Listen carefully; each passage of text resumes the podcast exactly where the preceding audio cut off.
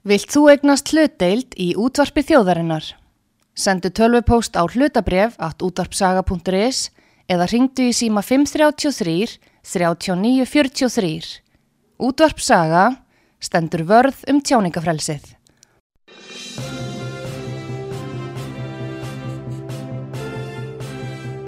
Þú ert að hlusta á frettir virkunar á útvarpi sögu.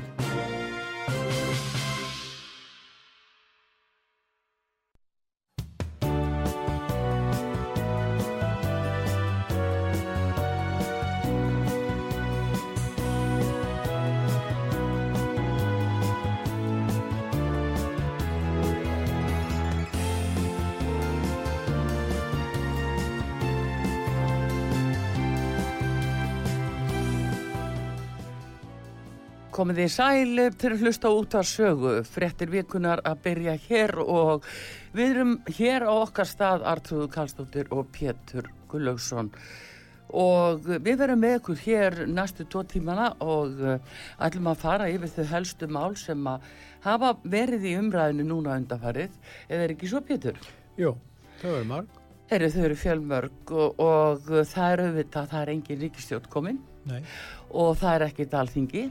Nei, Það er ekki búið að ganga frá talingun í norvestur nei. og uh, fórsetónum finnst allt í lægi að hann hafi ekki þurft að veita stjórnamyndinu umboð. Mm, Ég, veit ekki, ég veit ekki hvernig það er, það hefur ekkert heyrst í honum. Það verður ekkert heist í honum og uh, Ég sá að verða að hýfa hann upp í, í þyrlu. Já, Það er æfing hjá Björgunarsveitunum. það er komin einhver björgunarsveit á bestastæði, það er Já. greinileg. En uh, allavegna þá svo erum við með okkar uh, ráðherra ellendis eitthvað ennþá og þingmenn og fleiri sem að eru á loftlagsrástefnunni og uh, hérna, við veitum í raun og veru ekkert hvorki hvað Ísland er að gera og hver er viðbröð annara þjóða og svona nokkuð.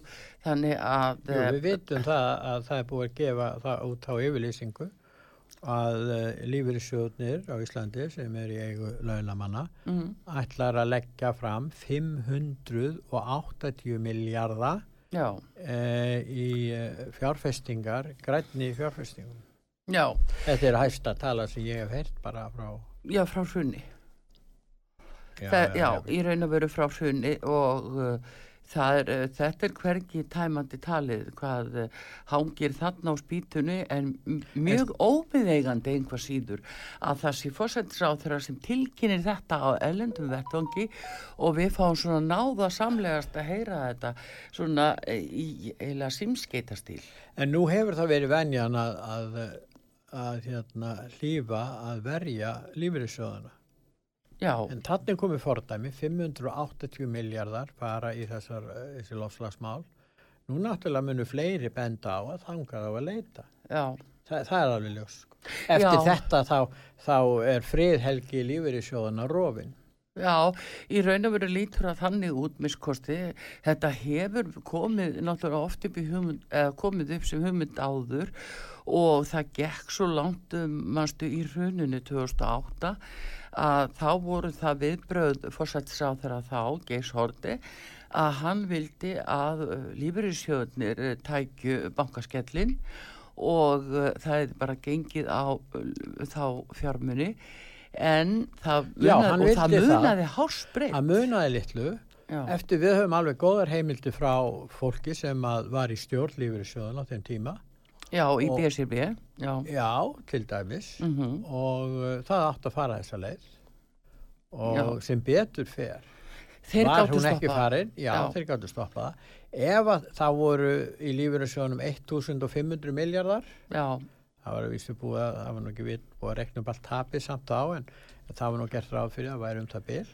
Og það voru við vorum að tala um 12.000 miljardar sem að skuldin var þannig að þetta ekki skipt neinu máli í raun og veru í heldardæminu mm þó að allir líf, að, að, að eigni lífyrirsjóðana hefur farið í að greiða niður skuldir útrásar gengisins já, en, uh, en þarna voru aðlar sem voru tilbúin til þess. Og núna eru konur aftur fram á sjónasviðu fólk sem að út á lofslagsmálum sem er aðalega vandamál þeirra sem er þeirra þjóða sem eru að nota kól já, og gas og olíu nánast engungu og uh, auðvitað þarf að bæta þá stöðu en við gerum það ekki með þessum hætt Nei, en þá ganga á lífeyrisréttindi að ganga á lífeyris, Já, ég meina er þessi, það er ekki hægt sko, að nota já. þá peninga í annað og svo vitum við ekkert hvað verður um þessa peninga. Nei. þarna opna fyrir þarna er að opna fyrir alveg gífulega möguleika á spillingu Já, og Alveg peningaþvætti. gífu- já, al, al, bara allur pakkin Já, sko. já, aflansreikning síðan verða fjármála fyrirtæki sem taka að sér að selja græn bref Já, og, og, svo framvegis þannig sko. við þekkjum allan þennan pakka. Þetta er allt svo kunnulegt svo mun einhverju bankar og fjármálastofnani koma að þessu og allt verður réttlætt með grænum brefum og grænum fjárfestingum og svo framvegis. Að Pétur þegar þú segir þetta veistu að, mm, sko, ég minnist þess uh, það var í júli 2006 svona, já, þetta tveimur árum fyrir bankarunnið að þá uh, vorum við komin á útarpisögu, vorum við komin á slóður um það að það væri verið að reynsa mjög skipula innan úr böngunum fjármunni og uh, þeir voru einhver stað byrjaður og sérstaklega inn í glitni banka þá, sem þá var. Og uh, við fórum að tala um það, eða ég, að, að hvernig svona að menn gerðu þetta, þetta var svona sex manna svikamilla og, og hvernig þeir gáttu huli í slóðina og sett svona ákveðin uh, áhættu fjármagn sem að ef þeir töpu þá var það bankinláttinn bera skaðin en þeir hýrtu gróðan, eru alltaf í gambling eins og það þeir nú slæmri íslensku. Já. og uh, svo þegar ég var að tala um þetta þarna 2006 þá kom til mín þinkona sem saði Arþrúð mín, þú ætti nú ekki að vera að tala um þetta. Ég held þú gerir ekki grein fyrir hvað eru klárir þessi strákar. Og vel mentaði og velmetaður, þeir eru svo klárir Og þessi strákar. Já, Já, og þannig, þannig var þetta að byrja. Og þetta minnir mér svolítið á það eins og núna að það líka verið að segja og þetta er, svo klárir finna þetta út með grænu brefin og þetta verður svo fín takulífir í sjónum og málstæðan er svo göfugur já, að það verður auðveldra svindl. Sjáðu hvað þau eru klár Já, loftlagsmálin einmitt, og málstæðurinn já, göfugur, já, ginn heilagur já, og þess vegna verður auðvelt að svindla. Já. og það, akkur ættu þeir ekki að reyna það? Akkurat er það að ég meina, breytast? skipt ekki peningar og, og hagnaður, hvernig sem hann er fengið mestu máli Þú sér það að bankarnir og fjármálakerfi, þeir eru raunverulega búin að leysa kirkjuna á holmi. Það er bara, það er nánast engin kirkja hér af því það snýst allt um banka og peninga. Mamman er búin að taka við. Já, kirkjan er náttúrulega, hún er eh, einhver staðar á villigötum. Já, Það var nú hægt að tala mikið já, við skulum um bara það. aðtóða það. Heyrðu, ef við ætlum aftur á móti að hafa þetta þannig núna í fréttum vikunni þessa stundina, Já. að við ætlum að uh, hleypa hlustendum östut að ef Já. að þeir vilja koma inn í einhverja umræðu sem við erum að, drepa á hérna. Núna verum við bara að tala um það að uh, sérst að það er ekki búið að mynda ríkistjórn og uh, samt eru hérna verið að mæla með ákveðnu tillögum og raun og verið að taka, verið að taka ákvarðanir. það verður að taka mjög stórar ákvæðanir og þá spyr maður á hvers ábyrðir þær, eh, hver hefur umbóðin til að gera það, hver ber ábyrðina og uh, síðan að það að alþingi kom ekki saman og ég óttast mjög svo að alþingi verði lítið sem ekkert kalla saman fyrir jól vegna þess að það er partur af uh, COVID-programminu Já, að uh, jól. íslenska þjóðin verði sett núna í En jólakúlu akkur er ekki búið að kalla þingi saman þó að þetta, þó þið sjá, nefndin er að fara yfir þetta klúður í norðvestu kjördaminu. Það, það er af því að kjörbrifin er ekki til Kjör... Akkur ekki. Nei. Kjörbreyfin er ekki til. Nei, Þeir eiga bara, bara að velja þarna þá sem voru í síðustu talningu og svo æga þeir að ákveða það hvaða leið á að fara í þessu. já, en það þarf að fara að fyrir alþingi og þú skal aðtúa það Pétur að þetta er ekki, það er ekki vita mál uh, hverjir raunverulega koma til með að sitja og þingi og fá að útgefin draga- kjörbrif Og það er kannski að draga eh, þetta mál fram í, í, hérna fram í desember. Það kemur ekki á óvart, ég vil nú segja það. Vegna að það meðan þau eru í loftastæminu núna, þá láta þau ekki alþingi koma saman og þá heldur tallingin og tallingaversinu áfram. Það þarf að nýta þennan halva mánu sem fer í uh, Glasgow. Já. og eh, ekki það, ég fekk nú sko sendi SMS þar sem að þetta var kallað Glasgow við út af COVID, það var Glasgow-it og mér finnst þetta aldrei gott því að Glasgow-it? Glasgow-it Glasgow-it og veistu, það er ekki svo galið því að þú fyrir að horfa á það að eh, nú er allt í smittum þar reyndar í, út í Glasgow Já, en þú sér það, það er engin með grímu engin með grímu á allir þessari stóru rástefnu þetta flagrar upp um hvert annað alveg hægri, vinstri allt Þannig að íslenska sendinemndin kemur heim kannski öll myndu. ef ekki segja almannavarnir uh, ringi og smitrakningateimi ringi í það fólk og segja heyrðu við viljum testa ykkur og gott betur. En það er hlustandi sem vil koma inn í þessa umræðu.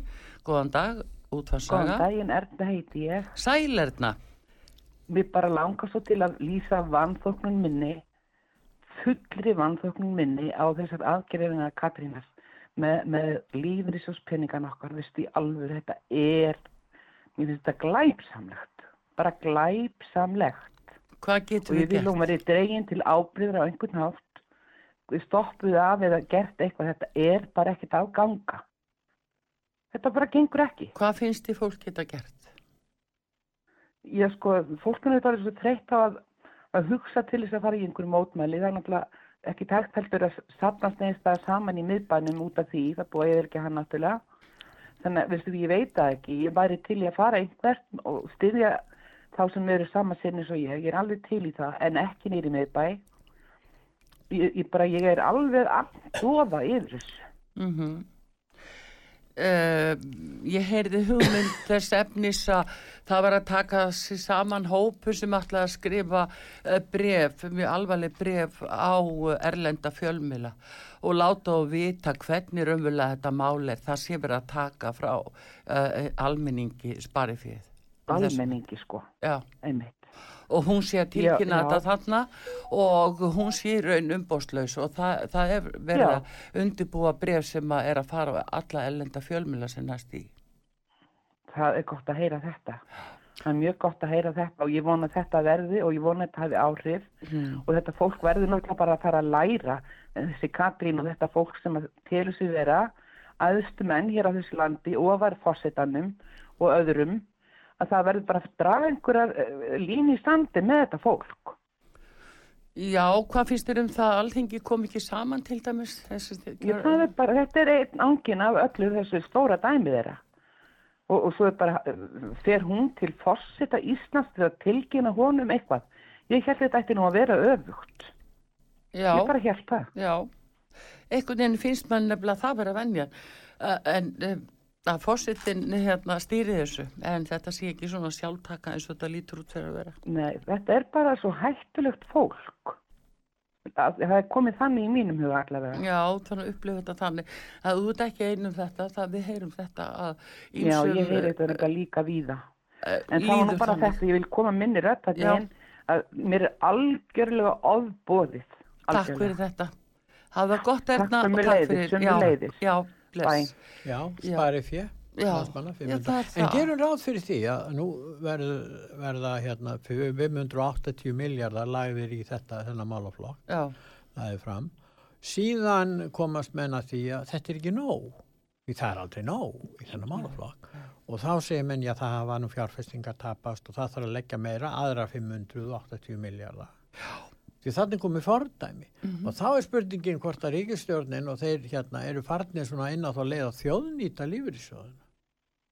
þetta er svona vísbending þetta- þetta er eins og átt að gera Já. 2008 Þetta, þetta er, já, og ég get ekki hægt að þakka þeim tveimur mönnum frá, sem voru innan BSRB og ég veit hverju þeir eru Já. frá landsabandi laurglumanna og, og tóllvarða Já. að ég get ekki hægt að þakka þeim fyrir að stoppa það að, að það er ekki ráðist til lífriðsjóðuna þá eins og er byrjað að gera núna Já. en góðan dag út var saga hver er þarna? Nú, Herðu, það er bara ekki, já, já, ég ætla nú ekki að segja það, bara anda í síman, nei, smá djók, það er ekkit anda í síman, en hérna, það er bara komið aðra blikklínur, en uh, ég ætla að segja ykkur það sem við ætlum að tala við hér og eftir, það er sem sagt líka COVID og, og allar þessa breyttu áherslur og hvað erum að vera. Og við skulum búið undir það að nú er að fara enn einn bylgjan á stað. Hún er samkvæmt daska, hún er samkvæmt áætlun og við sjáum það að væntalega verður ekki neyn kristileg hátíð annar ári í röð. Það er að segja að verða ekki jól með því snið sem við erum vön. Við verðum sennilega sendi í jólakúlu og uh, beðin að hafa sem fæsta í kringum okkur því að uh, það má ekki vera uh, að her, stórfjölskyldan- nú hafa þær herstreglunar í dag. Já, Eh, við ætlum að að, tala um að það, já, en ef það skilar ekki árangri, Já, þá þarf að herða reglunar enn frekar og þá erum við komin nálat jólun. já, það passar, tímasetningin passar. Þannig að það verður ekki kristileg hátíð allavega, en við ætlum hins vegar að segja ykkur það að uh, við erum bara í tómri gleði hérna yfir nýjum auðvitað abbadiski sem var að koma í nótt. Nota up about it. Og það var Gustaf Skúlason okkar maður auðvitað í Svíþjóð sem sendi okkur hann í nótt og við verðum að spila ykkur lög af þessum diski, þetta eru hvað tíu lög, einhverju hafa komið út áður, þrjú hafa komið út áður sem að þekkja. af plötun í, í, Já, nota símatíma. about it. Og við einmitt að fá að heyra það núna. Höldum svo áfram því við erum eftir að tala um uh, kynferðisbrota umræðuna. Við erum, að tala, tala um eblingu, hvað hangið þarna á spýtunni. Mm. að Solveig Anna sem hefur barist manna mest fyrir erlendu vinnuafli og, og lagt sér mjög fram við það að hjálpa erlendum konum sem hér eru en þá koma þær og segja við viljum stólið, stólindin og Já, einin er nú það þegar komin í það- og hægur og við ræðum þetta opnu síma á þetta mál. Síðan er það, já meira af uh, auðvita alþing, alþingi og hvennabaráttu og fleiri málum. Opnum alltaf síman inn á milli spilum tólist og fáum Abba ymmit núna með glænýtt lag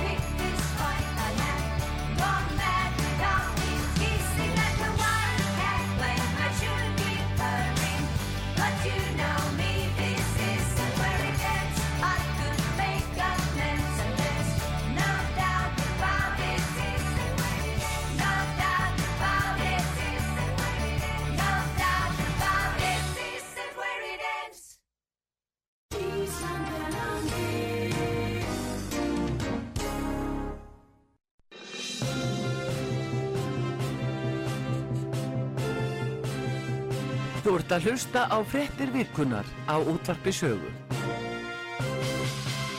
Já, komið þið sæl aftur þegar að hlusta einmitt á frettir vikunar á útvarpi sögu. Artrúð Kallstóttur og Pétur Gullusson hér með ykkur og við vorum að heyra núna alveg splungunýtt lag með ABBA fjörskildunni og nýr diskur sem kom út í nóttu tíu laga diskur sem að fólk getur aldrei náð sér í og, og glaðst yfir sannarlega góður og við heyrum fleiri lög hér á eftir af þessum diski. En við vorum Pétur, við ætlum að koma víða við og, og hlustundu koma eitthvað inn í umræðina eins og hún erna hér áðan. Já. og uh, þetta er auðvitað stór alvarlegt mála að, að uh, plana þannig uh, fjármögnun uh, inn í loftlagsmálin sem eru hvergi nærri uh, útrætt, þau eru bara köllu loftlagsmál, punktur og síðan er sagt það er ekki nóg að gert, punktur. Hvað er ekki nóg En að við gert? erum kannski að horfa upp á það að kostnaðurinn út á lostasmálunum já, verði í svona einhvern veginn sambærilegu þann kostnað sem við höfðum að hruninu. í, Það gæti já. farið í það ef þetta heldur svona áfram. Þeir töluð, það var sérfræðingur sem talaði um þetta væri minnst 500 miljardar já, til 2040 af halvu ríkisins og eh, hérna það eru 25 miljardar á Mhm. ári. Og síðan kemur fram þessi tillaga í sambandi við uh, lífeyrissjóðina. Já, sko þannig að þetta eru auðvitað uh, sko það er hægt að, að uh, nota nánast takmarkalust fjármagn í þennan málaflokk já, já. Það, fyrst að þetta er bara einhver að fjárfesting til eh, greiða- fjárfesting til eh, umhverfismála.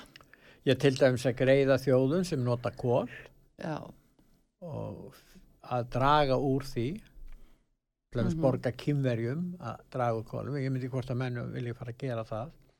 En allavega þá er spurningin um það. Það er að draga úr uh, kólanótkun já, og það er það sem að þeir eru að leggja höfuð áslá. Já.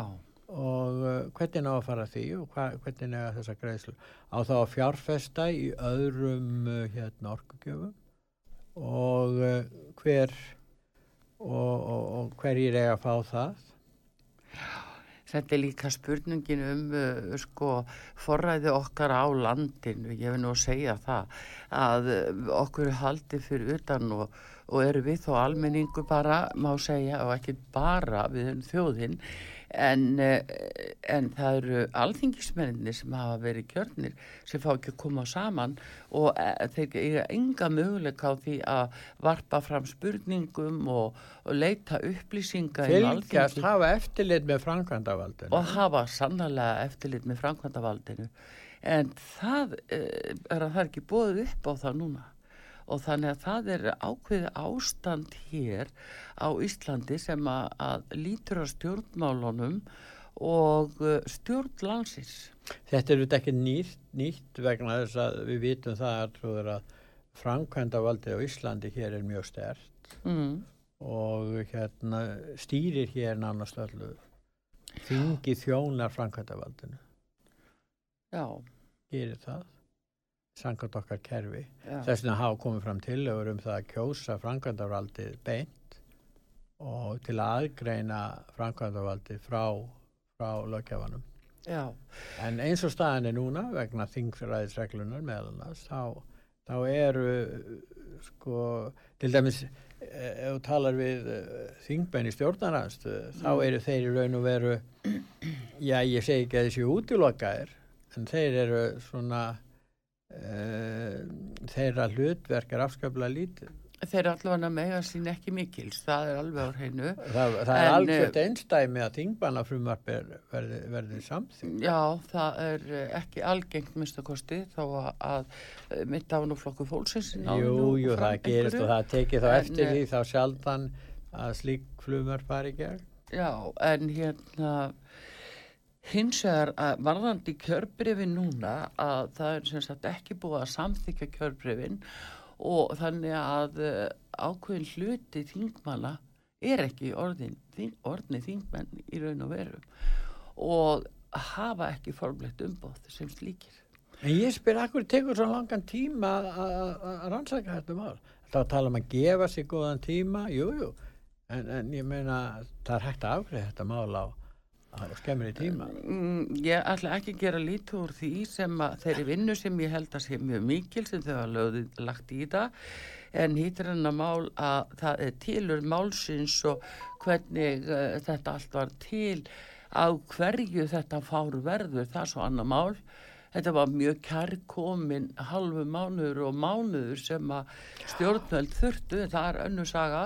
En ég ætla að benda þar á að varðandi kjörbrefin Pétur það gætu orðið uh, all merkilegar breytingar á kjörbrefunum og nú er ég ekki að meina það að uh, út af hérna norðvestu kjördami Belinis heldur út af uh, tilfærslu Birgis Þóraðinssonar yfir í sjálfstæðsflokkin hvernig það, Jú. hvernig er þetta að breyta því? byttu hægur vegna þess að alþingi hefur ekki samþýtt Nei, en uh, sko það sem að, að uh, það sem gildir í þessunni uh, samkvæmt 27. grein stjórnaskrárunar hún er hún er akkurat svona alþingi sker sjálft um hvort þingmenn þessi löglega kostnir að, og úr því hvort þingmaður hafi mist kjörgengi já, Málið er að Birgir Þóransson hefur sitt umboð frá síðustu kostningum.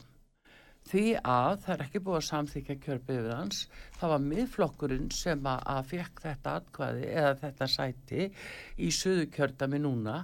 Það er ekki það búið að gefa út löglegt kjörbrif á miðflokkin í Söðurlandi sem fyrst að hann er síðan farin yfir í annan flokk áður en að alþingi samþykti kjörbrifið hans. já en uh, alþingi þýðir- mun ekki fella uh, hérna Já, Birgi býtu hægur, við skulum, Já. fara, við skulum bara halda okkur við lögin. Já, það já. þýðir að sangkvæmt því á að við gefa á kjörnefndin að gefa út kjörbref á ernu sem að var. 2.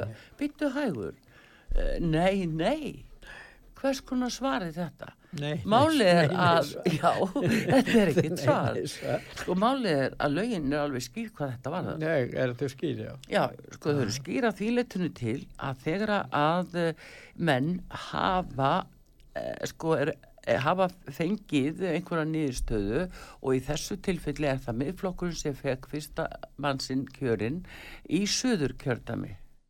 Þá þarf alþingi að samþykja það kjörbrif að, að það er samkvæmt kostninga úrslitum og atkvæðamagni að þá er það eftir maður miðflokksinn sem fær kjörbrefið viðkend.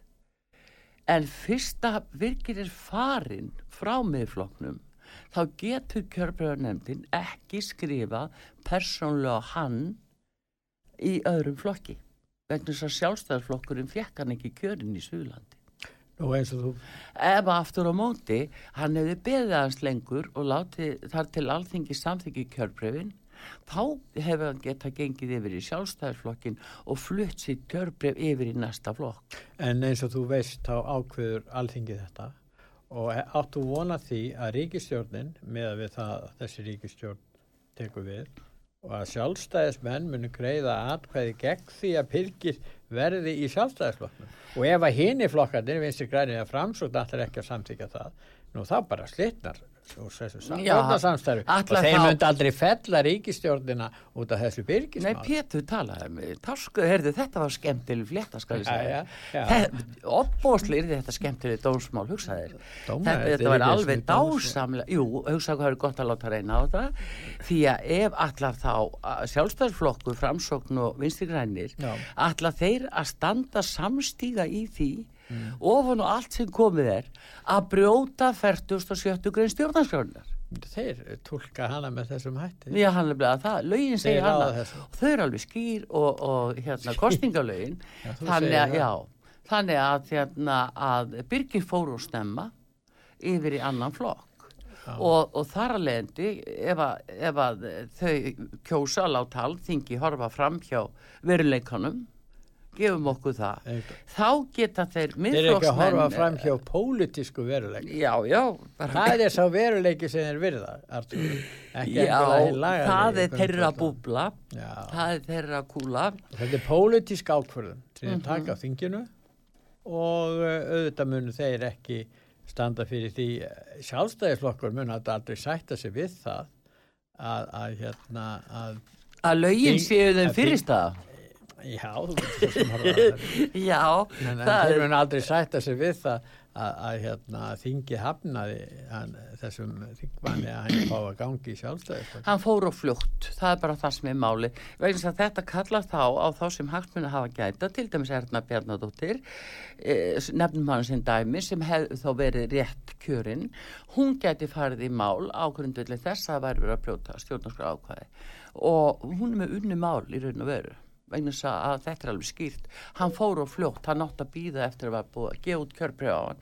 Núna, það segi ég hér á útarpi sögu, Ég- þetta er alveg minni við líka á konur í getur vegna. þingkonur sem sagði við mig 2006 þeir eru voru að ræna glitni báka innan. Artrúðum í þeir eru svo klárir þessi strákar. Þeir verður nú ekki að tala um þetta hér og útarpi sögu. En það er nú bara þannig að 15 árum setna þá höldum við áfram að tala um þetta. Og uh, við ætlum einmitt núna hér að fá auðlýsingar og við fáum ABBA að sjálfsögða nýja diskinum Destan Ocean. Að koma að því lagi og svo höldum við áfram. Og þá förum við yfir í hvað Pétur Gullursson förum, förum við yfir í COVID eða förum við yfir í kvennabartu kynferðisumræðuna uh, hvað er efst á listanum hjá þér? Já, ef við ekki bara fara út í þessi, þessar deilur um kynferðisafbrót. Já, það er kynferðisabrótin og öll umræðan, dómstólgötunar og fleira á eftir en missið ekki af þessu frétti vikunar útarpi sögu, við komum aftur.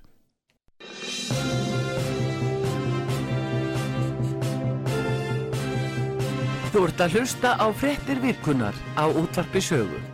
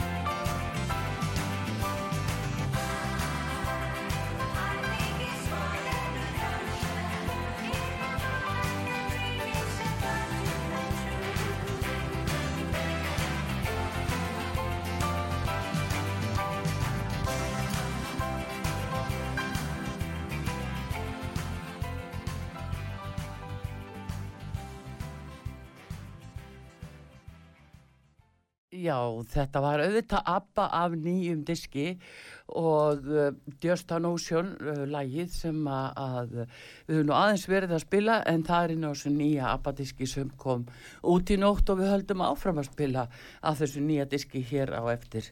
En þeir að hlusta á útvar sögu fréttir vikunar Arþrúðu Kallstóttur og Pétur Gullausson hér með ykkur. Við erum að stikla á stóri á helstu málunum sem að hafa verið svona umræðin í þessa viku og má segja bara síðustu vikunar í rauninni því að eh, sumt festist meiri sess en annað og, eh, og það er nú oft verið að tala um kannski svona að minni mál og þau verða ofta stóru málunum en allra stærstu málin bara komast ekki á blað en hins vegar þá er hér hlustandi sem vil komast inn í umræðina og við ætlum bara að hleypa um, þið svo vel, hver er þar? Sigurbjörg, góðan dag. Sigur, Sigurbjörg, Sigurbjörg, já. já, sæl og blessuð. Komið sæl, já. Heyrðu, mér langaði svolítið að koma inn á tvett sem voru að tala um áðan. Já, það er loftslagið og ég heyrði loftslagsmálin og ég heyrði var að tala um stjörnusæðar í Já. í, á einhver útastöð. Hann, eh, ég býsti að hann tali svona fyrir andan uh, þá sem eru þarna á, í Glasgow. já, Og hann segir að það sé allt í lagi að þóttulirir mengi meðan þau setja svona mikla peninga í loftslagsmáli. já, þetta er sagðan það blessaður. Já, þetta, þetta er náttúrulega Já. alveg á pari við annað.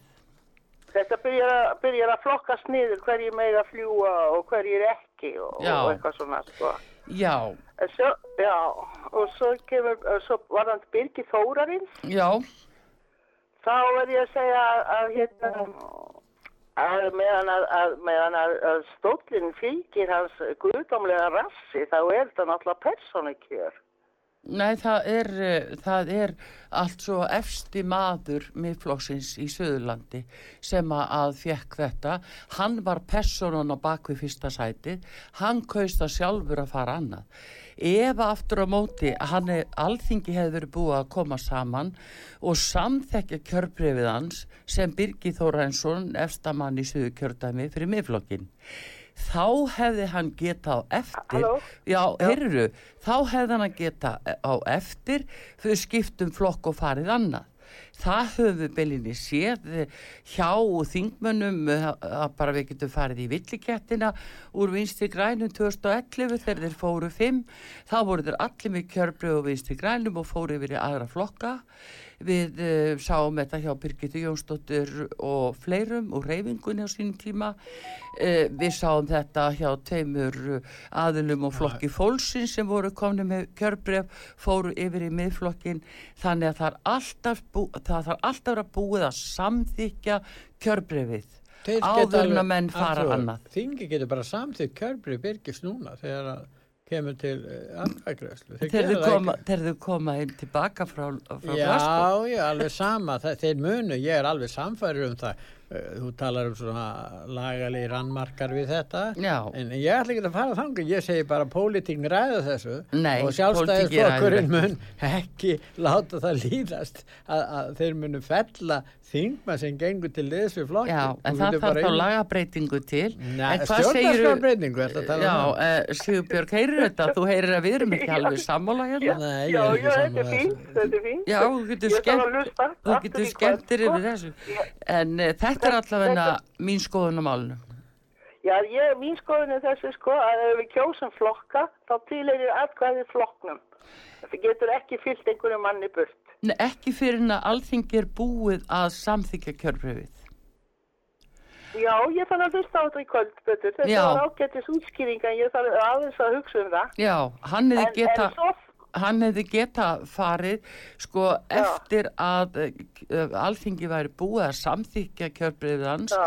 sem efsta mann uh, samkvæmt kostningaúslitum í Suðurlandi fyrir miðflokkin. Þá uh, þegar er búið að samþykja kjörbreyfið þá getur hann farið eitthvað annað en ekki áður.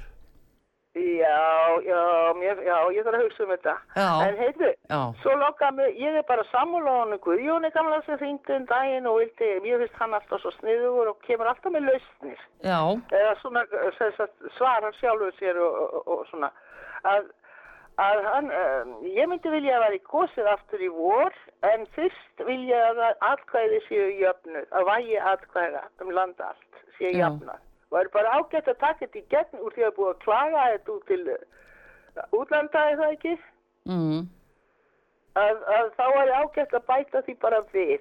já, þú meinar. Að, að, að, að hvers konar, hvers konar hérna, mm, að þetta er bara ekki, þetta getur ekki verið bara eðlilegt, þetta, þetta vægi jafnkvæða í landinu. Já, já, Að það séu, séu, séu meiri út á landi sumstaðar heldur en eh, hér fyrir sunnan. mm, Eða þannig. já, já, jafn vægi Ég veist hvað ég bara slá þessu öllu saman og bara drífa í þessu. Að jafna að hvað þú kjósi vor.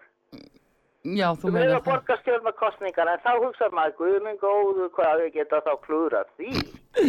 Já, þá held ég að þurfi nú að telja margóft. Það, það þarf að telja Já, margóft. þá vitum við hvað, það, hvað, hvað næsta ár fer í. En, Já. en þetta er nú það sem ég vildi koma að. Takk. Já, Takk takk fyrir. fyrir Sigurbjörg, takk fyrir. Takk. Já, Já, jú, takk. það er akkurat þetta. En hérna, uh, já, uh, þú ert ekki sátt við þessa skýringu, þú vilt að, pól, meinar að pólitíki muni bara ráða því og, og það Ég, verði ég ekki... ætla ekki að ræða þetta mál bæra. Nei, ég skil. Allt í fína. Þá, ég skal þá bara, ég skal þá taka til til þess og Já, um, með allt ja, þú, getur, mitt um, ræ, þú mátt ræða þetta mál áfram. Nei, nei, það er ekki að gera það. Heyrðu, viltu fara yfir í kynfyrirsprótaválinn? Já, sko, það sem að þetta skiptir svo miklu máli er að fólk gerir sér grein fyrir því sem að, þetta margir gera að sagbördingur á hefur ákveðin réttindi. Já, og í þessar umræðu svona utan domstóla kerfisins þá er talað um þólanda og geranda. Mhm. þá er búið að ákveða það. Það er raun og verið búið að dæma fyrirfram án rannsóknar. Já, og að dæma fyrirfram án rannsóknar heitir hvaða nafni? Fordómar það er altså fyrirfram samfæring já, já, já. þarna eru raun og veru þessir, þessir aðilar, öfgar og aðrir að reka stefnu sem byggður á bullandi fordóm og það felur í sér að dæma fyrirfram eða hafa fyrirfram samfæringu um sekt manna án rannsóknar. Þetta er það sem er vandamáli í kringu þetta mál og uh, í raun og veru það má svo sem tala um að þetta sé flókið mál en að þessu leiti er það augljóst. Já, Uh, við, við gerum ráð fyrir því eins og þegar þú varst að starfa sem rannsóknarlaglumæður uh, sagði þegar þú sem þú handtekur menn eða boðar þá í yfirheyslu að þá þá leggur þú áherslu á að þeir hafi ákveðni réttindi. Þú lest upp réttindi sem sagborningur hefur. Hann er dæmis ekki, hann þarf ekki að svara spurningum. Hann hérna að ef hann vill ekki gera það og, og hann hefur ákveðin réttindi, hann hefur réttindi til að hafa verjanda með sér og það er hægt að, að fá hann, þann verja, skip, verjanda skipaðan. Þannig að hann hafi efni á því að hafa verjanda eða minnskosti hefur opinbera borgar það til að byrja með. Og málið er það að hann hefur ákveðin réttindi sagbortingar og þannig viljum við hafa það. Ég held að sé nánast afskapla fáir og e, það væri auðvitað sorglegt ef að margir vilja taka upp annað kerfi þar að segja að e, það er nóg bara að handtaka menn, teljan vera sekan og síðan að, að umgangast hann og framkvæma rannsókn e, á þeim grundvelli. Og, e, og eins og ég segi og ég vísa bara í þína reynslu sem rannsóknarlöglumannesku já, að það, þess vegna náttúrulega ert þú mjög ósátt við það að verið sé að kalla aðila, það, í þessar umræðu er verið að kalla þólandin og gerandi, þá er þið búin að gefa sér það að viðkomandi aðili sé þólandi og gefa sér það að viðkomandi aðili sem er ásakaður er gerandi. En það er náttúrulega liggur ekki fyrir. Nei, ekki ég veit að, eh, sko, jú, jú, það er alveg rétt og, og menn hafa sannlega að skýra að rétta stöðu og, og, og þeir, hérna, þeir Eiga meiga, já, þeir meiga auðvitað kjósa það að svara ekki en það kann að vera skýrðið mjög Já, óhapp. já, það- og það vitum við, en svona almennt það er máls meðferðin sem ég er miklu meira að hugsa yfir núna Þetta er málsmeðferð, Nei, rannsókn. altså Pétur, uh, ég og við, það er engin málsmeðferð. Þegar að mál koma upp og bera að eh, bara inn á fjölmiðlum eða Já. á, á hérna, samfélagsmiðlum Fordómar, og þar er koma einhverjar upprópanir og upprópanir. menn fá aldrei neina málsmeðferð Nei. sem er lögmætt þar að segja málinu ekki kært til Nei. þau fara ekki til ákæru valdsins til ákvörðunar þau fara heldur ekki til dómstóla Dóms, og þessuna tölum við um dómstól göttuna af því að það menn eru bara dæmdir á netsíðum gödudómstallin dæmir fyrirfram án rannsóknar, þess Já, já. Það er vandamáli við gödudómstólin. mm. Gödudómstólin vill ekki að, að sakborningurinn, sá sem er ásakar, hafi neinn réttindi. Það er bara búið ákveða fyrirfram að hann hafi gert þetta. Það er það sem er, halda mér virkilega til dæmis að allir þeir sem eru ásakar, meiri segja að, að fagaðalum á þessu sviði og vinna hjá löglu og sakamáli yfirvöldum, að þeir hafa alltaf haft rétt fyrir sér. Nei, það er svo langt frá því. Þess vegna ættu menn að gera sér grein fyrir því. Þetta er svolítið barnalegt viðþór til þjóðmála og ég tala nú ekki til réttakerfisins sem fólk leifi sér að hafa. Alveg ótrúið. Heldur þú að þessar mannisku myndu vilja lendi í þessu að þær veru borðnar þungur sögum og fengi ekki að verja sig? Nei, það myndu þeir alls ekki vilja. Þannig að þetta er, þetta er náttúrulega eitthvað sem sannarlega þarf, þá þarf bara mennur að tala um fræðslu. Það þarf fræðslu í skólum gegn þessu, þessari öfgafullu hérna, kynjafræði stefnu og, og feðraveldis bulli sem er í gangi, það þarf bara að fræða unga fólkið um það að þetta er tóm þvæla og það á að innleiða hugafar hjá börnum þannig að það eigi ekki að vera dæma menn fyrirfram. Það á ekki að vera al á fordómum. Það er verið að al á fordómum í þessu máli. Já, en ég ætla ekki að áfellast neitt í þessu Áfellast? Eh, Nei, ég ætla ekki að gera það Það er ekki verið að áfellast neitt, það er bara verið að lýsa því sem er að gera. En Pétur, ég horfi kannski aðeins öðru sá þetta að því leitinu til, þetta segir mér hins vegar uh, hvernig stjórnmála ástandið er á Íslandi og stjórn landsins er komin. Þetta lýsir alveg gríðalegu stjórnleysi og raunverulega ávísun á uppþótt og, og ágreining og ókerið í samfélaginu þegar svona látið viðgangast. Já, Auðvitað hefur ríkisvaldi tæki og tól til að bregðast við, það er enginn að segja manni annað, en þetta er gert með vitund og viljun, vilja ráðamanna. Bíddu, og það er það sem, nú er- allar þessi dómstól götunar er til vegna þess að ráðamenn í þjófélaginu leifa það. já, hvað er þeir að gera? Hvað er þeir að gera? Já. Þeir hafa úrræði til þess. Þeir hafa til dæmis lögregluna. Já, hvað á laurglann að gera? Lögregla- Handtaka öfga? Nei, nei, þú geta handtaka neitt. Það er hægt að útfæra reglur og, og vinnubröð lögreglunar sem að verði miklu, miklu skilvirkari og að taka á þetta þetta séu rangar sakagiftir það er til dæmis úrræði. draga fólki til viltu, já, viltu, viltu staldra við þetta? Já. Ef að það er ekki úrræði þá veit ég ekki hvað.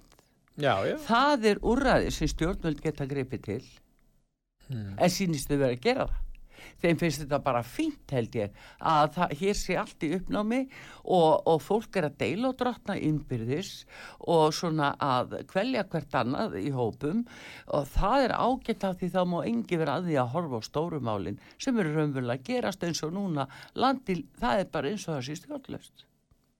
já, Það er bara þannig já. og, og hérna auðvitað sprettur svona umræða og það eru svo margar hlýðar á þessu það eru svo gríðarlega margar hlýðar á þessu máli Er það? Er já, það? já, það eru mjög margar hlýðar á þessu það er nefnilega málið, engin tvö málir eins og það er það sem að fólk gæti að byrja á að skýra ég, sko, eins og hvað að mér finnst ömulegt og sorglegt að þessi leið sé farin að byrja á því að ásaka menn inn á einhverjum svona sneplum og síðum og, og, og hjá óvenduðum blaðamennu, ég verð að segja ekki alveg sér það flókið.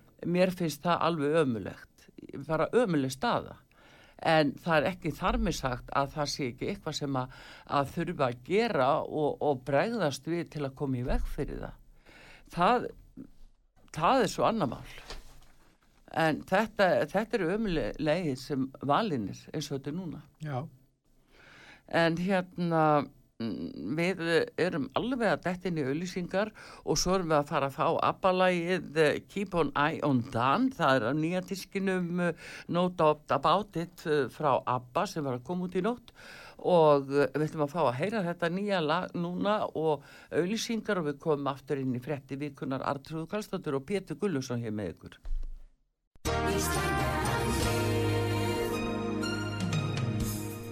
Styrtareikningur útvarpsögu í Íslandsbanka á Granda. Útubú 513, höfubók 26, reikningur 2.11.11. Nánari upplýsingar á útvarpsaga.is. Takk fyrir stöðningin.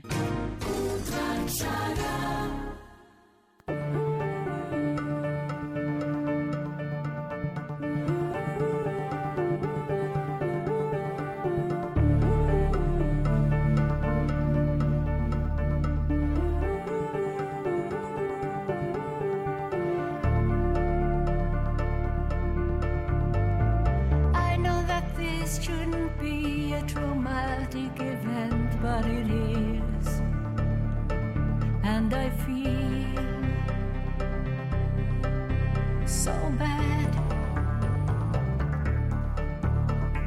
My little boy looks so happy, he throws me his go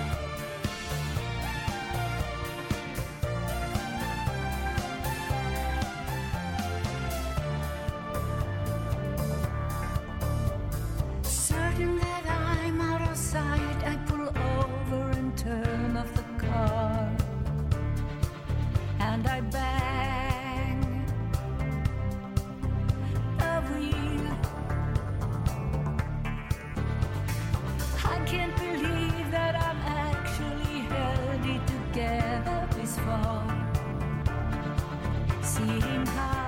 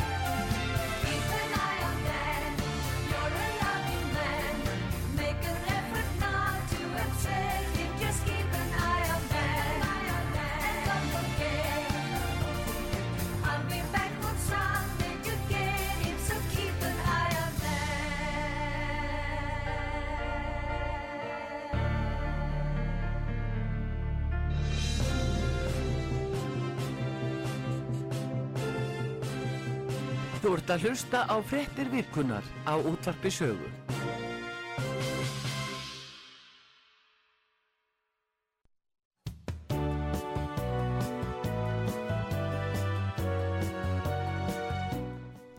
komið þér sæl aftur þegar að hlusta út þar sögu Artrúðu Kallstóttur og Pétur Gullusson með ykkur og við vorum yfir að hlusta hér á nýtt lag með Abba hljómsveitinni Keep on Eye on Dan það er eitt af þessum frábæru lögum sem að eru af þessum diski sem var að koma út og við höfum verið að, spila af en uh, við förum og höldum áfram í fréttum vikunar. Og Pétur, við vorum aðeins að byrja að ræða um uh, þessa umræðu um kynferðisbrotin sem að hafa eiginlega breytt verulega úr sér og þetta er orðið svona yfirþyrmandi mál má segja og uh, ég sakna þess að sjá ekki viðbröða halvu stjórnvalda. Uh, þau hafa tækja tólins í staði áðan til þess að grípa inn í þetta og því að það eru sannlega sko bæði mál sem eiga rétt á sér og svo önnur mál sem að sko sína alveg gagstaðalið. Það sem þarf að gera af hálfu eins og ofinbæra að gera konum sem verða fyrir árásum auðveldara til að kæra. Já, og að það, það sé sko raun og verið tekið þannig á þeim málum. já. Það Hvað er viltu þá gera, öllu. hvað viltu þá gera fyrir kallmenn sem verða fyrir raungum kærum? Alveg sama, Að þeir geti auðvitað lagt fram kærum ranga Já. sakagetur. algjörlega. Já, Það er Það- því að með þær konur Mhm. sem eru að koma fram með rangar Sakagiftir, já. eða villandi upplýsingar þær eru að skada þær konur sem verða fyrir þessi raun og veru það, það, það, það, er allir að skada þarna ekki bara þessi kallar Mm. þessir, þessir ofbeldismenn sem fá í raun og veru og það er fyrst mér aldrei talað um. þeir fá allt og væga dóma þeir sem eru að ráðast á börn og, og konur að þeir bara ganga út úr réttarsalunum með kannski dóma sem lenda leiði til þess að sitja inni kannski nokkra mánuði Já, þetta er, þetta er náttúrulega ekki sko, þetta er það sem almenningur í landinu er réttilega ósáttur við. já. þetta á ekki þá- skilt við refsigleði. Það er í raun og veru þegar að svona dómar eru dæmdir. Þar sem það er alltaf verið að gefa skilabóð í dóm. Það er verið að gefa í skinn hversu alvarlegt málið er. Ef að dómar eru mjög vægir, þá eru raun og veru dómstólar og Íslenska ríki að lýsa því yfir að þetta sé ekkit alvarlegt mál. Það er ekkit öðruvísi. Mhm. Þau, þau borðu þetta sama við skattalagabrót. Skilurðu, Það sem ríkið á hefur hagsmun að gæta. Þá gegnir alltaf um mál. Þá er full harka í þessu málum. Skilurðu. En þegar það kemur að þessu málum, þá er eins og það er ekki. Og það er þetta sem þarf að lagfæra. Það þarf að laga þessi mál og það er hægt að gera það. En alls ekki með því að, að búa til domstól göttunar. Mhm. Eh, Sko, það er eh, hérna, þegar þú minnist á dómstóla Pétur, þá er dómurum mm, á marganátt vandi á höndum. Einfallega vegna þess að dómarinn dæmir bara eftir þeim gögnum og þeim lögum sem að, og lagaramma sem hann hefur og þeim gögnum og sönnun á gögnum sem hann hefur. Hvernig er þá rannsókninni háttað? Um það snýst máli og við erum ennþá komin og einaferðin enn að lauruglunni og hvernig er búið að lauruglunni til þess að vinna rannsóknin þessara mála. Því það er frumrannsóknin bara, bara fyrstu og síðasti sólarhingur áðurinn að brotið frami. Það er kannski sá tími sem er mikilvægastur. Hvaða tíma hafa menn til að rannsaka það og fara ofan í það, leita sannana og svo framvegis. Eitt Þetta eitt- er, þetta er veiga mikið atriði við hvern maður tala áðurni kært og svo framvegis. Eitt er að sanna sög og ná fram sakvellingu ef að það tekst. Mm. Síðan er það ákvörðin dómara um hvaða hérna, refsing á að, að, að leggja. Já, en hann hlýtur að þurfa að gera það að byggja það á gögnum sem eru næjanlega ábyggileg Já, og svo skýr. sakvelling hef, Já. fæst, þá, þá liggur það fyrir Mhm. og þá er það bara spurningin um þetta og, og hvort að alþingi verði bara taka fyrir þessi ákvæði um kynferðisbrot og, og breyta þeim. Það mætti örglega breyta orðalagi því að Já, orðalagi, eh, kannski bara já og refsi- áherslum en, eh, Breyta viðurlega ákvæðum. Já, að einhver það er náttúrulega, við skulum ekki gleyma því að eh, viðurlög við nöðgunni 16 ára fangilsi Pétur sko. Það er ígildi mandráfs og uh, þannig að uh, það segir nú mest til um það uh, hvernig sko, lögjafinn hefur litið á þetta Já. sem mikla misþyrmingu Og og, dómar- lífskaða þegar að svo refsi hæð var ákveðin þegar tíma. dómarinn er með svona mál í höndunum Já, og er að ákveða refsingu. Mhm, þá náttúrulega stiðst hann við hvað, hvað hefur verið að gerast á síðustu árum sambandi við refsingar hann getur ekki allt í einu stokkið upp og sagt farið í miklu sko þingri refsingar jáfnvel þótt að refsiramin bjóðu upp á það. Já Vegna en maður að- þá að benda þess, ranna þess, vegna, þess vegna þarf þingið að koma inn í það og koma að lámars refsingu Já, en sko, við getum ekki glemt því að sko hegn, alminn hegningalög sem farið er eftir hér á Íslandi, þau eru sko arfleið frá dönum Já, og, er og þau eru frá 1940, það er samt búið að breyta og útfæra Já, já. ímis atrið í þessu, en þetta er rótgróð og yfirvegað í grunninn þegar horti til eh, refsi hæðarinnar í hverju mál fyrir sig. Og ég held að sé enginn sem hafi vilja breyta því að þetta væri ekki 16 ára fangelsisvist ég, eh, ég, eh, ég, við ég, sagði það, ekki- ég sagði það ekki. Nei, ég var ég að segja það. nei, þú varst ekki að segja það en ég bara segja við þið Pétur að uh, það skiptir verulegu máli hins vegar rannsókn málsins til þess að réttlæta það að maður sitji lengi inni.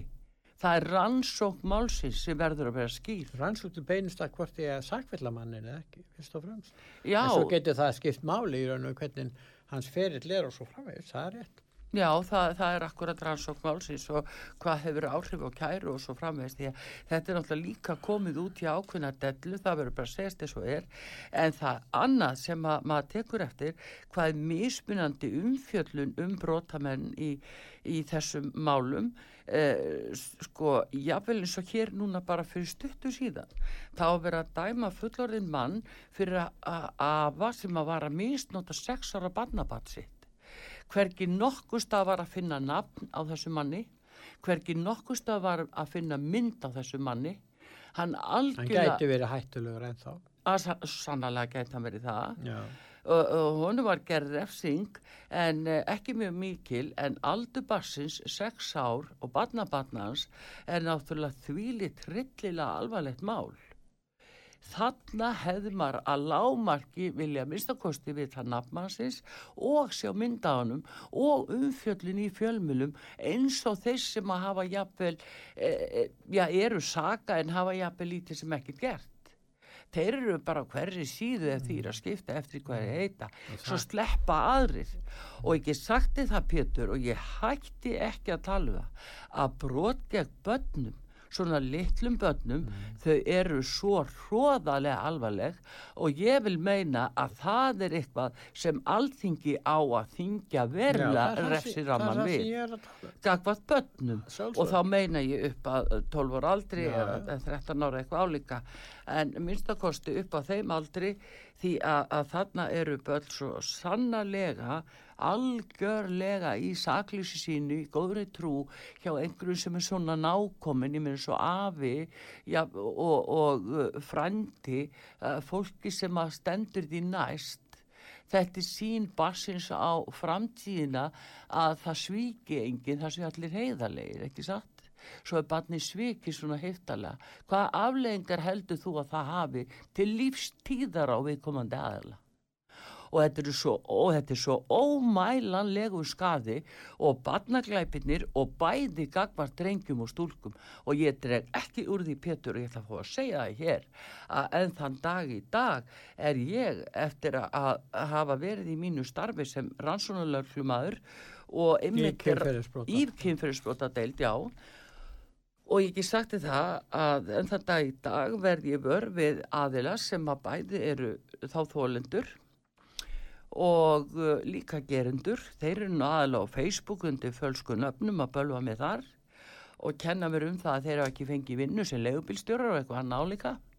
Það er nú mér að kenna að því að ég kom þeim á raunnið eftir þeir hafa mistind ungum drengjum og skadað á ævilangt ævilangt fullir ég og þetta það er svo hryllilegt að verða að vitna þessu, það er svo hræðilt að koma að þessu og að alþingi láti þessi mál ekki til sín taka og hvar eru þarna hinn í fjölmiðlarnir, hvar eru samfélagsmiðlarnir þarna, hvar eru þeir gagvart litlu stúlkunni sem var sex ára sem að, að afennar mistnotaði, sem var bara dæmdu fyrir stuttu síðan nokkrum vikum. Hvar eru hinn í fjölmiðlarnir þá? Hvert fóru þeir? Nei, þeir eru á uppteknir af einhverju landsliði. Þeir eru á uppteknir af einhverjum söngurum.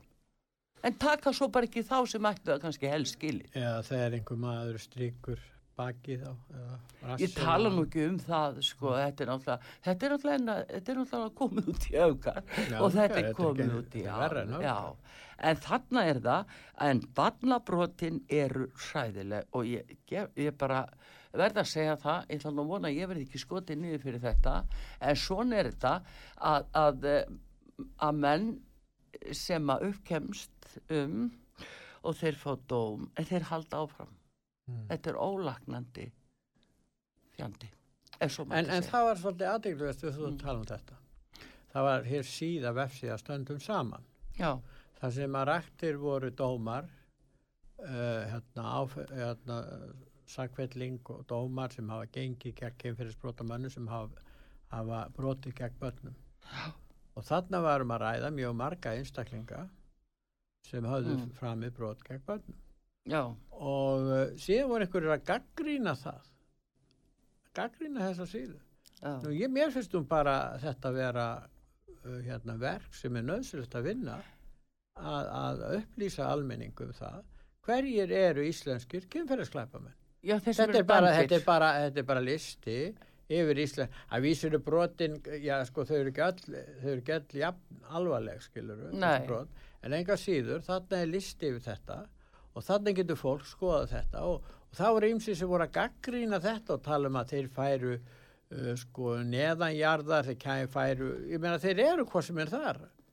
Þeir fara miklu frekar neðanjarðar ef engin veit hver þeir eru. Já, Þeirra huga farið þar allavega. Já, ég meina Og- það er bara, við skulum bara horfa sko bara út frá, þetta mál út frá helbyrju skynsemi Já, og þetta er það sem hefur verið gert og, og verið gaggrind já, að verið væri og segja, ég meina þeir komast aldrei aftur inn í samfélagið og skulum fá ABBA. En eitt á nýja diskinum Don't Shoot Me Down. A while ago I heard the sound of children's laughter. Now it's quiet, so I guess they left the park. This wooden bench is getting harder by the hour. The sun is going down, it's getting dark.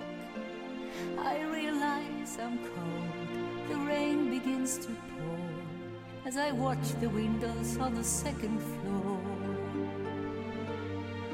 The lights are on, it's time to go. It's time at last to let him know.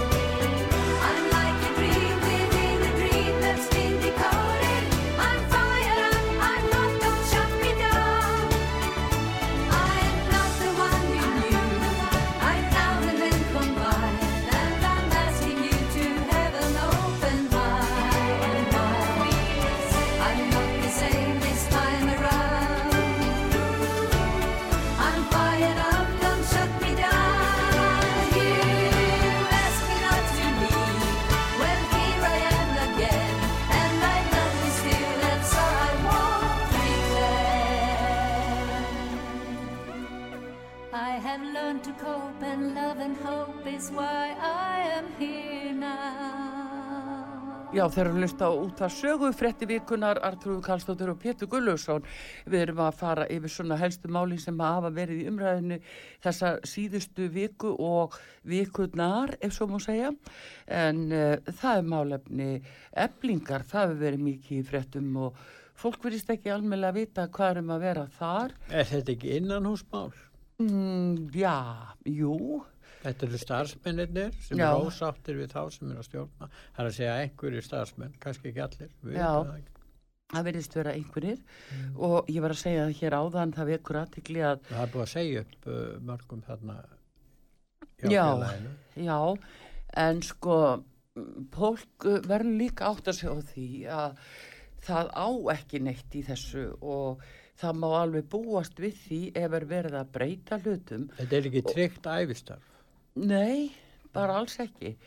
Og uh, Solveig Anna þegar hún kom þá beinleginis bóðaði hún breytingar og það var við því að búast að uh, það, hún myndi gera mannabreitingar uh, þannig að hún á fullan rétt á því að skipta út fólki Já. uh, í svona fyrirtæki. En stjórnin stóð með henni en hún hætti samt.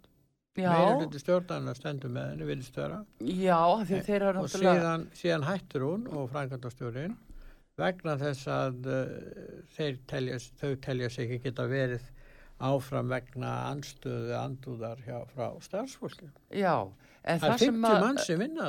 Já, það sem maður tekur eftir Pétur er að Solveig Anna sem hefur nú verið sértilistuglega við að, að hjálpa ellendu vinnuafli og útlendingu sem hér er að starfa en þeir eru all flestir í eflingu skilst mér sko. Já, þeir sem vinna þannig. Já, mér skilst það að hérna og hún hefur verið mjög og hjálpa konum ein, engum og sérlega mikið sem að mann er einhvern veginn fundist vera alveg frábært hjá henni og hérna eh, var í allir staði bara mjög gott og, og nú varðandi lífskjara samlingana þá eh, heyrði maður ekki annað en að hún hefði náð því fram sem að, skipti verið lög máli þó að, Það voru þarna þrýr verkalýsfóringar, Já. hún og, og Vilhjálmur Birgisson og, og Ragnar Þóringar. Já, já, heldur betur og hérna eh, svo vekum við það aðtigli að ymmit erlend kona sem að vara formar eflingar og svo sem að, að meðal annars að Solveig Anna hefur svona stutt mikið og, og hjálpað Hún var ekkert að rýsa upp gegn Nei, það vitum við ekki Nei, en hún þykkur stólinn hennar þegar aðri segja hún er átt að fara að lí- víkja líka Já. því að hún var sannlega eina af þessum stjórnendum sem,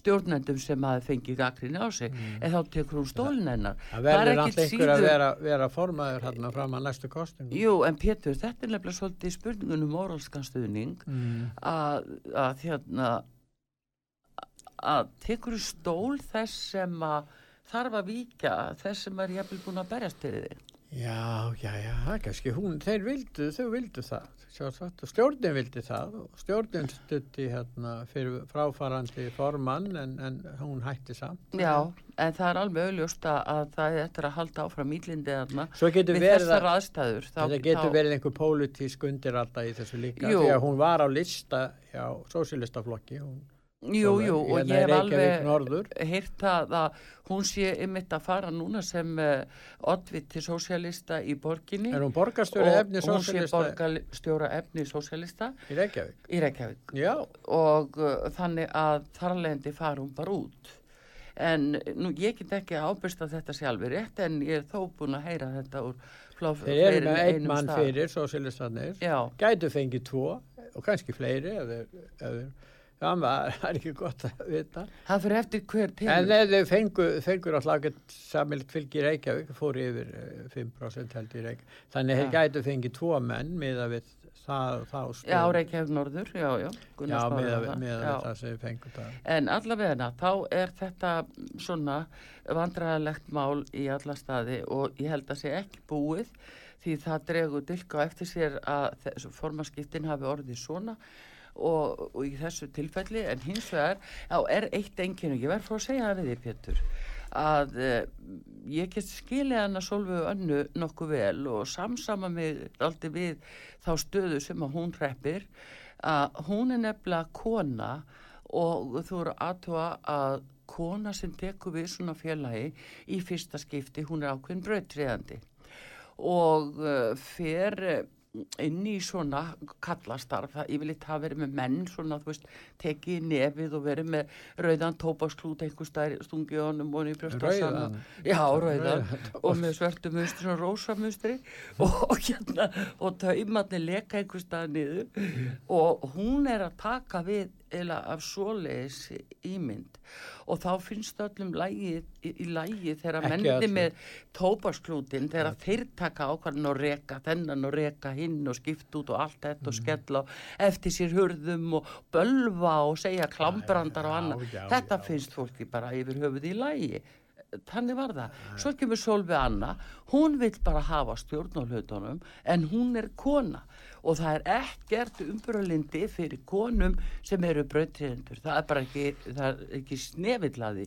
Ef að kona rekur einhverjinn á vinnustad, nei, þá er eitthvað svakalegt að eða kona sér að, en kallarnir getur, sama hvað, þá er allt í getur, Taktu bara akkurat eftir þessu. getur ekki verið að það sé einhver pólitísk undir alltaf þarna og til dæmis svona ef við tölum um vinstri kant stjórnmálana Jú, sem hafa nú kannski verið minnskost sem Mm. voru, voru áhrifa miklir innan verkalýsreifingarinnar það hafa nú kannski minka Mm. vægi þeirra en það getur verið þessi ósáttir út í sósélistana og sósélistaflokkin því að sósélistar fengu ju 4, eitthvað pluss og höfðu velu áhrif með því að taka atkvæði kannski frá vinstri vang og hafa þannig áhrif á hvernig pólitíkin er að tróast í landinu.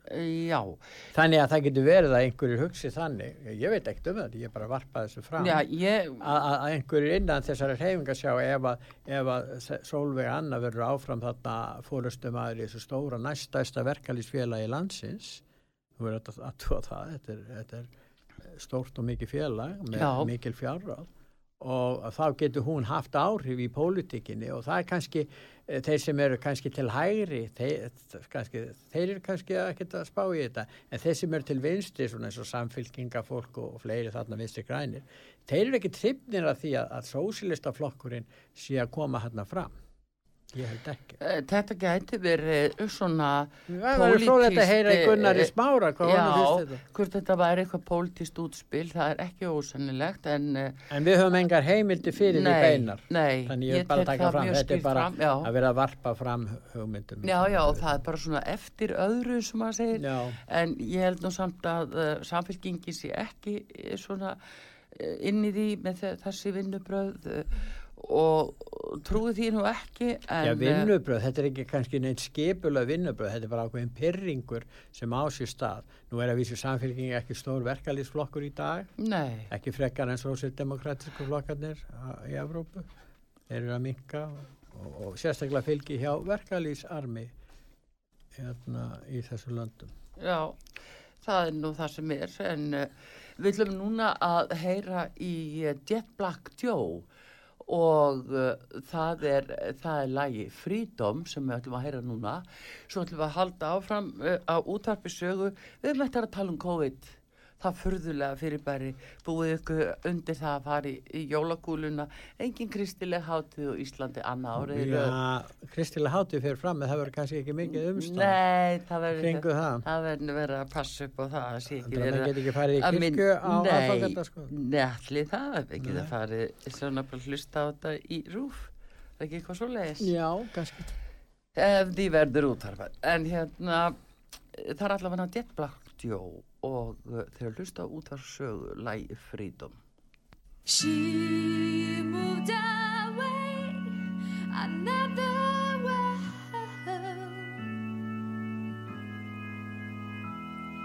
She could fly away.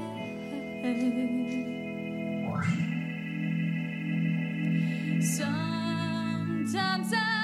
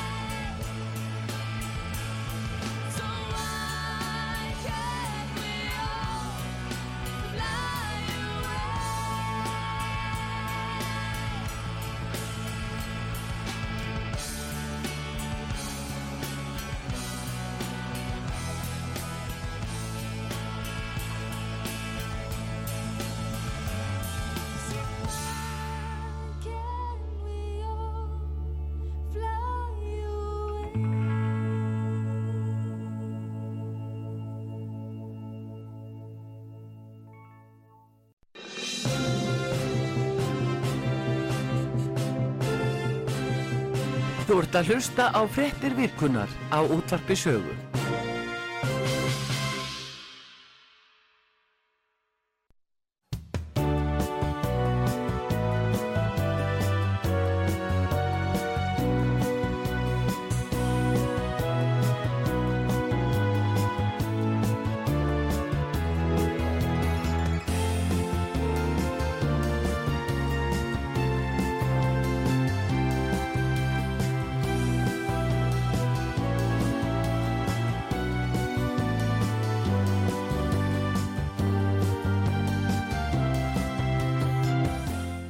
Komið þið sæl aftur uh, þegar að hlusta út á sögu Artrúð Kallstóttir og Pétur Gullausson hér með ykkur uh, í frettum vikunar.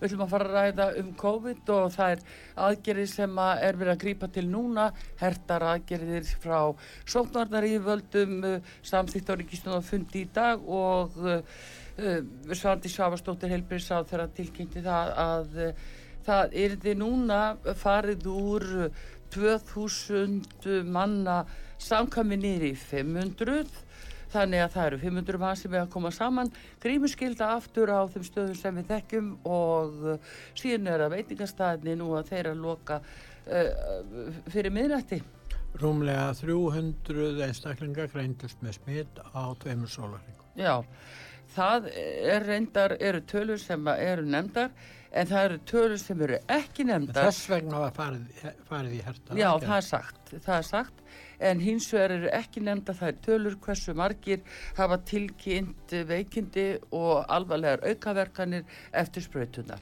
Það er rétt að taka það fram að það koma ekki tölur af því og uh, þeir, þær rata ekki fréttir, þannig að rétt að fólk hafi það bak við eira, það er verið að hvetja fólk núna í þriðju sprautuna og verið að undirbúa það að sprauta börn 5 til 11 ára og uh, hvort sem fólk er líka betur að vera þá situr ekki alþingi og það er engin velferðarnemnd alþingis til þess að hafa skoðun þessu máli.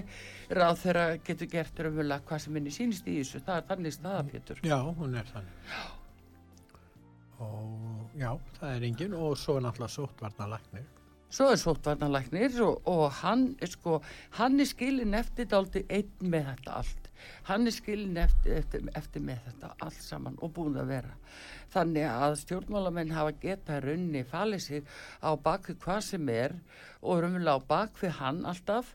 En hann er látin svona standa anspænis þessu alla daga og og bara aðrir geta falið sig og raun og veru er verðt að rifja þetta aðeins upp að, að eh, ég talaði aldrei um þann bólefna samning og samninga sem að Íslenska ríkið og helbriðsvöldi gerðu við livjarísana í fyrra. Og við skulum aðeins fara yfir þetta að þessi samningu var uh, samþyktur og undirritaður 5. júni 2020 og uh, inn í þessum samningi kemur fram krafa livjarísana um það að íslensk helbriðseföld undirgangist það að breyta íslenskri lögjöf sem er löðuð að kröfum livjafyrirtækjana af því að þau telja sér strax, strax í júni 2020 uh, fáinu mánuðum eftir að COVID er almennt í kent sem veira að þá eru lífeyrinsandi komni með samning kláran á bóluefni segja þær sem eru með tilbúið og þetta er í júni Og- með er tilbúinu með efnið málið, já, við fréttum að því á Vesturlandum í janúar 2020. Já. Við sem var að koma fyrir aftan. Jó, í það, þessu. það var En- komið um áramótin Og það var ekki viðkent hér á Vesturlandum fyrir í loki í og Já, og fyrsta smiti greinist á Íslandi 28. februar Já. 2020 þannig að það er mars, april, mæ og júni eða mars, april og mæ þremu mánuðum setna er í raun og veru tilbúið bóluefni sem að, að e, þar að segja að Ísland er að skrifundur Það samning. lítur að vera heimsmynd í hraða. Þetta er heimsmet í öllu vegna þess að samningurinn gerir áfyrir því að það sé að fara á stað eh, til raun með sprautuefni sem að verði kalla bóluefni og það færi fram hjá íslenskum lögum þar að segja uh, lögum um vísindaransóknir og heilbriðisviði og þá þar lendi líka fram hjá lögunum um klíniska rannsóknir og heilbreyðisviði og það var tekist aldrei á um þetta mál e, þegar að, e, að þau voru að ræða saman Kári Stefánsson og, og forsætisráð þegar þú manst alveg örgla eftir þessari umræðu sem átti sér stað að e, Kári hann var mjög leiðandi og virtist vera að stýra þessu öllu og uh, hann fór í fílu alltaf af og til.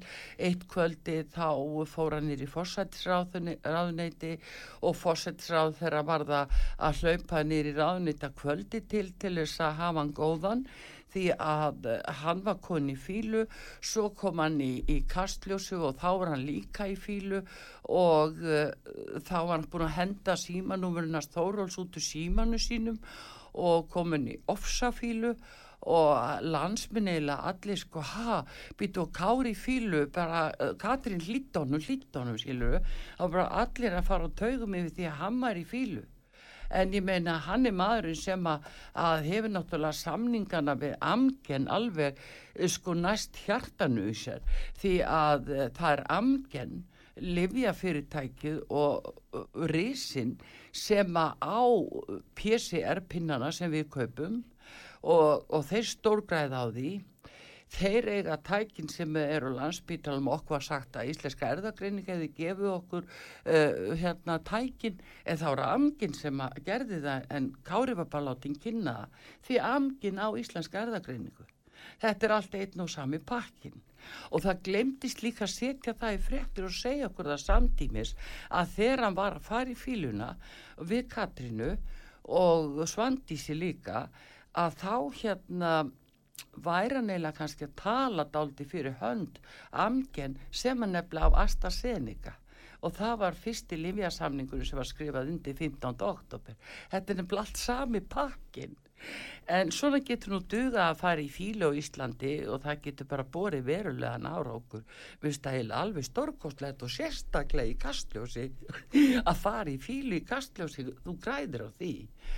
Og og þetta gerist allt þarna þetta snemma þetta þessa ás. Og svo má alveg segja að Kári hefur verið mjög leiðandi í að segja einhver að hafa skoðanir á öllu. Já, nú er allir að fara í sprautu.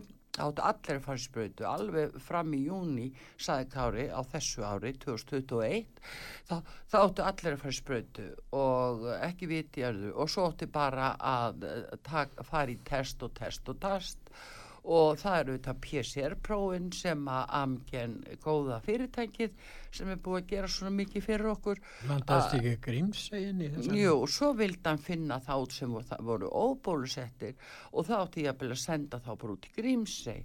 Og þetta, hann var alveg með ráðindir yfir hverjum. Svo sagði hann núna um daginn að það ætti bara að gefa þetta allt frjálst, það ætti bara að sleppa öllum út og bara alveg eins og, og beljum á vorin og, og bara verði ekki með nein höft á neinu. Og við sjáum árangrið þá kára að uh, nú er líka allt komið í smitt aftur því að hann vildi slaka alveg öllu út og En hvað gerist næst? Nú, núna uh, fara þær í harðar aðgerðir. Já, og uh, þá er spurningin um það ef þeir ná árangri eftir harðar aðgerðir verður þá ekki farið til slaganir á nýju, ég menna mun það já það er ekki gott að vita en þá er spurningin, hvar er Kári? Og út að saga spyr, hvar er Kári? Á, við hlust á, á síðdeis út af, út af, sa, ha, mikið gaman, mikið grín, ha, ha, ha, ha, ha, ha, svo mikið gaman, mikið grín. Já, það er nefnilega þannig að uh, við þurftum eiginlega að fá bara að latta inn í þetta mál, það er ekki öðruvísi. En auðvitað er þetta ekkit grín en hérna, og graf alvarlegt mál. En núna hins vegar, eins og við höfum nú sagt uh, frá áður, að þá uh, erum við með samning Evrópusambansins við Livjarísana og uh, það er líka þar að finna áætlun til ásins 2024 um það hvernig rannsóknu þetta er á þessum sprautuefnum sem er verið að nota og þetta er svo sett sko fram svona með þeim eiginlega formerkjum að að fólk er ekki sagt að þetta sé tilraun það, það er ekki verið sagt fyrir Íslandi. Það er þó einhver í bandaríkjunum hjá Já. Livjastofnun bandaríkjana sem hefur núna staðið fram og hvað er ekki rúpin? Erik Grúfin, já. Og hann hefur viðkenda að þetta sé tilurna efni og uh, það alltaf kolvi í bandaríkjunum meðal annars út af því en uh, því að fólk neytar að fara í þessu sprautu Mm, þar. Já, hann hlað mjög margi, það er búið að bólusetja mjög marga í bandaríkjum. Já, en þeir líka þekkja alltaf Pfizer og, í bandaríkjunum því að Pfizer er búið að vera náttúrulega að, eða alveg frá aldamótum að koma fram með allskist nýjungur og, og nota öllu, eða já, öll ráð til þess að að prófa ný lif en þeir hafa líka fengið 82 dóma á sig fyrir að misnota þetta tröst sem þeir hafa fengið hjá viðkomandi livjastofnun að, og þeir hafa sko ekki sagt rétt frá innihaldi þess efni sem þeir eru að nota og valdi skada og, og hérna beilinni splegt þannig að 82 dómsmál hafa gengið e, í málefnum Gegn- Pfizer í bandaríkjunum og hérna þannig að bandarækjumenn eru svona kvektir á þeim og, og kannski vitandi ymmit um það að þetta efni er bara líftæknilif sem er verið að prófa í fyrsta skipti á lifandi fólki. Og eh, það er ekki tilbúið að eh, fórna sér fyrir það að því að það er að sína sér núna að þetta sem okkur var einmitt sagt og það alveg frá þeim tíma frá því að Kári fór í fílu og núna fram á vori þegar að Svandís og Katrín voru að reka alla þjóðuna inn í lögatarsöll að uh, það er bara heilt ár í rauninni. Og uh, þá sko hefur okkur bara verið sagt að þetta myndi leysa öll mál ef við færum í báðarsprutuna það var alltaf sagt í setni sprutuna þá er þetta alveg örugur núna talaðu um það eins og engis í morgundagurinn að þessar sprutur hafi bara ekki virkað eins og það hafi átt að gera. Og með þess að síðast í gerð var það landlækni sem að skyndilega var komið fram á sjónasvið og, og maður fagnar því auðvitað. En, en hérna Í þessum samningum sem þú varst að vísa til já, að eh, þá kemur fram að Pfizer vill ekki bera ábyrð á sinni framleiðslu.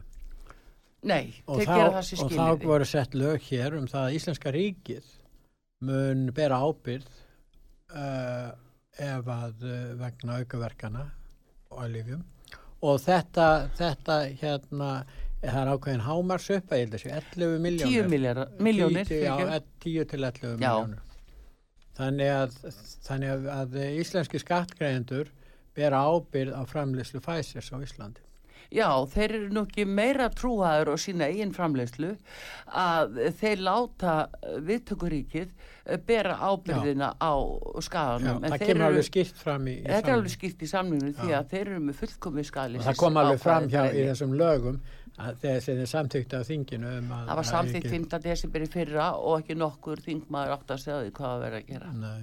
Og það er það sem er að ömulegast í þessu. En kannski mjög skiljanlegt maður segja en ég segi mitt varandi þessa áætlun núna e, þá er, ef maður lítur á desember 2021 og það er globalt, það er sem sagt bæði Evrópa og Amerika að þá er við því að búast að, að þeir verða á, á flegi ferðarinn að sprauta allt og alla í desember. Það er bæði sko fullótnir og eiland og það er já, ka- kallar og konur og frá 12 ára aldri. Og uh, það er það verður bara núna farið í sprautuherferð og hún er að byrja hér eins og við sjáum á þriðju sprautinni og síðan kemur fjörða og hérna en aftur á móti horfi ég daldið á janúar og februar 2022 og hérna þar það gæti já það er spurning við allavegna eh, ég tel það að það verði ekki eh, svona jól með hefbundum hætti við skulum bara búa okkur undir það að það verði krafist þess verði krafist að, að fólk fari og búi til sína eigin jólakúlu eins og var í fyrra því það hefur líka með það að gera að það hefur verið að komið í veg fyrir að við höldum svona kristilega hátíð. Það er partur af þessu prógrami sem að tengist líka öðru og tengist meðal inn á loftlagsmálin og það er ákvarðanir. Þetta er samtengdar aðgerðir tel ég vera. Og Beilins hef eh, ákveðna heimildi fyrir því að svo geti verið. En uh, hérna þannig að það er jafn gott að fólk átti sig á því. Það er, við vorum að tala um það áðan Pétur uh, þessa umræðu og stjórnleysi í umræðinu út af kynferðismálum og ásökunum sem er vísbendingu stjórnleysi og annað uh, hérna tómlæti hálfu stjórnvalda. Það er partur af því að uh, sko maður getur sagt, hvað er kirkjan núna? Býtu, er búið innlega alla kirkju bara inn í bankana eða hvað er, hvað er kirkjan? Hvað er Guðs orð? Hvað er uh, tal um náungakærleika? Hvað er þetta? Og það er þessi tilneying til þess uh, sem að byrjaði hvað 2012 og 13 þegar Katrín Jakobsdóttir tók uh, uh, kristinfræði kjenslu út úr skólum og það er verið að reyna að kristna Íslendinga. Ég- Ég tel að svo sé. Ég myndi segja að kirkjan er svona, hún þjónar tíðarandan. Það má láta að Það heita má það. segja það. Það má láta að heita Já, það. og það er kannski ef hún tel að sé auðveldar að þjóna tíðarandan og verði vinsætli og þegar hún vil vera svona úr poppakirkjum Meinar þetta sé að vera populista kirkja? Nei. Já, ég, ég held að það sé líka vegna þess að þeir halda að það er, já, það er náttúrulega fáir sem að koma í kirkjuna og, og þeir hérna, þeir eru ekki, ekki, ánæði með það og, og þess vegna vilja, vilja svona koma Já, móts við- þetta er svona eins og fyrirtæki já. sem eru að auðlýsa sig og, og vil vera aðgengilegra. Sjáðu nú bara eins og sölun á kirkjuhúsin og lögavegi. Það var búið að bjóða hvað, einn miljard í þetta hús. Já, kannski ekki alveg. Það var mjög hátt verði á. En uh, því var hafnað. Já, En svo allt í hennu var það selt á 400 miljón. 400 pluss. Hef ekki Hvað sögðu þeir á kirkjuþingi? Ég veit ekki, ég Nei. bara skil ekki akkur mennina kirkjurna hafa ekki risið upp. Hva, hvernig var þetta hægt? Að þetta sé ekki rætt í dónadeildinni þar. Ég Nei, veit ég það veit ekki. það ekki. Það Þetta, þetta er ótrúlega. Þetta er alveg óupplýst. En svo var ekkert meira rætt um Nei, bara taka niður alveg eins og margt annað en e, þetta er sér satt með COVID við skulum búa okkur undir hvað sem er í þessu halda ró okkur alveg umfram allt og, og halda bara okkar daglega góða lífi og hitta aðra, tala við aðra og ekkert að láta þetta raska ró okkar og mikið eins og maður segir þó að við auðvitað lútum þeim reglum sem að, að sóttarniðurvöld leggja til alveg sjálfstakt eins með þess regla en örleiti skulum hafa látum- sóttvarnir. Já. Persónulega sóttarn og láta okkur líða vel og, og ekki að hika við að hittast og, og, og láta okkur bara, já, láta okkur líða vel, það er það sem er og, það er einmitt Elton John með gamla og nýja lagi sitt og það er Elton John og, Dua Lipa, þau eru hérna með Cold Heart og það er það sem við viljum að kveðja ykkur með. Uh, Elton John alltaf góður og uh, við uh, bara óskum eitthvað góðrar helgar og vonum bara að þið hafa það sem allra best og verðið sali róli þó að sé eitthvað COVID, það bara er allt í góðu lagi en við hlýðum reglum en við skulum ekki hika við að hittast og, og hafa notalegt. Artur Karlsdóttir og Pétur Gullusson, hvað ykkur tæknimaður í útsendingunni Daví Jónsson verðið sæl. Verðið sæl.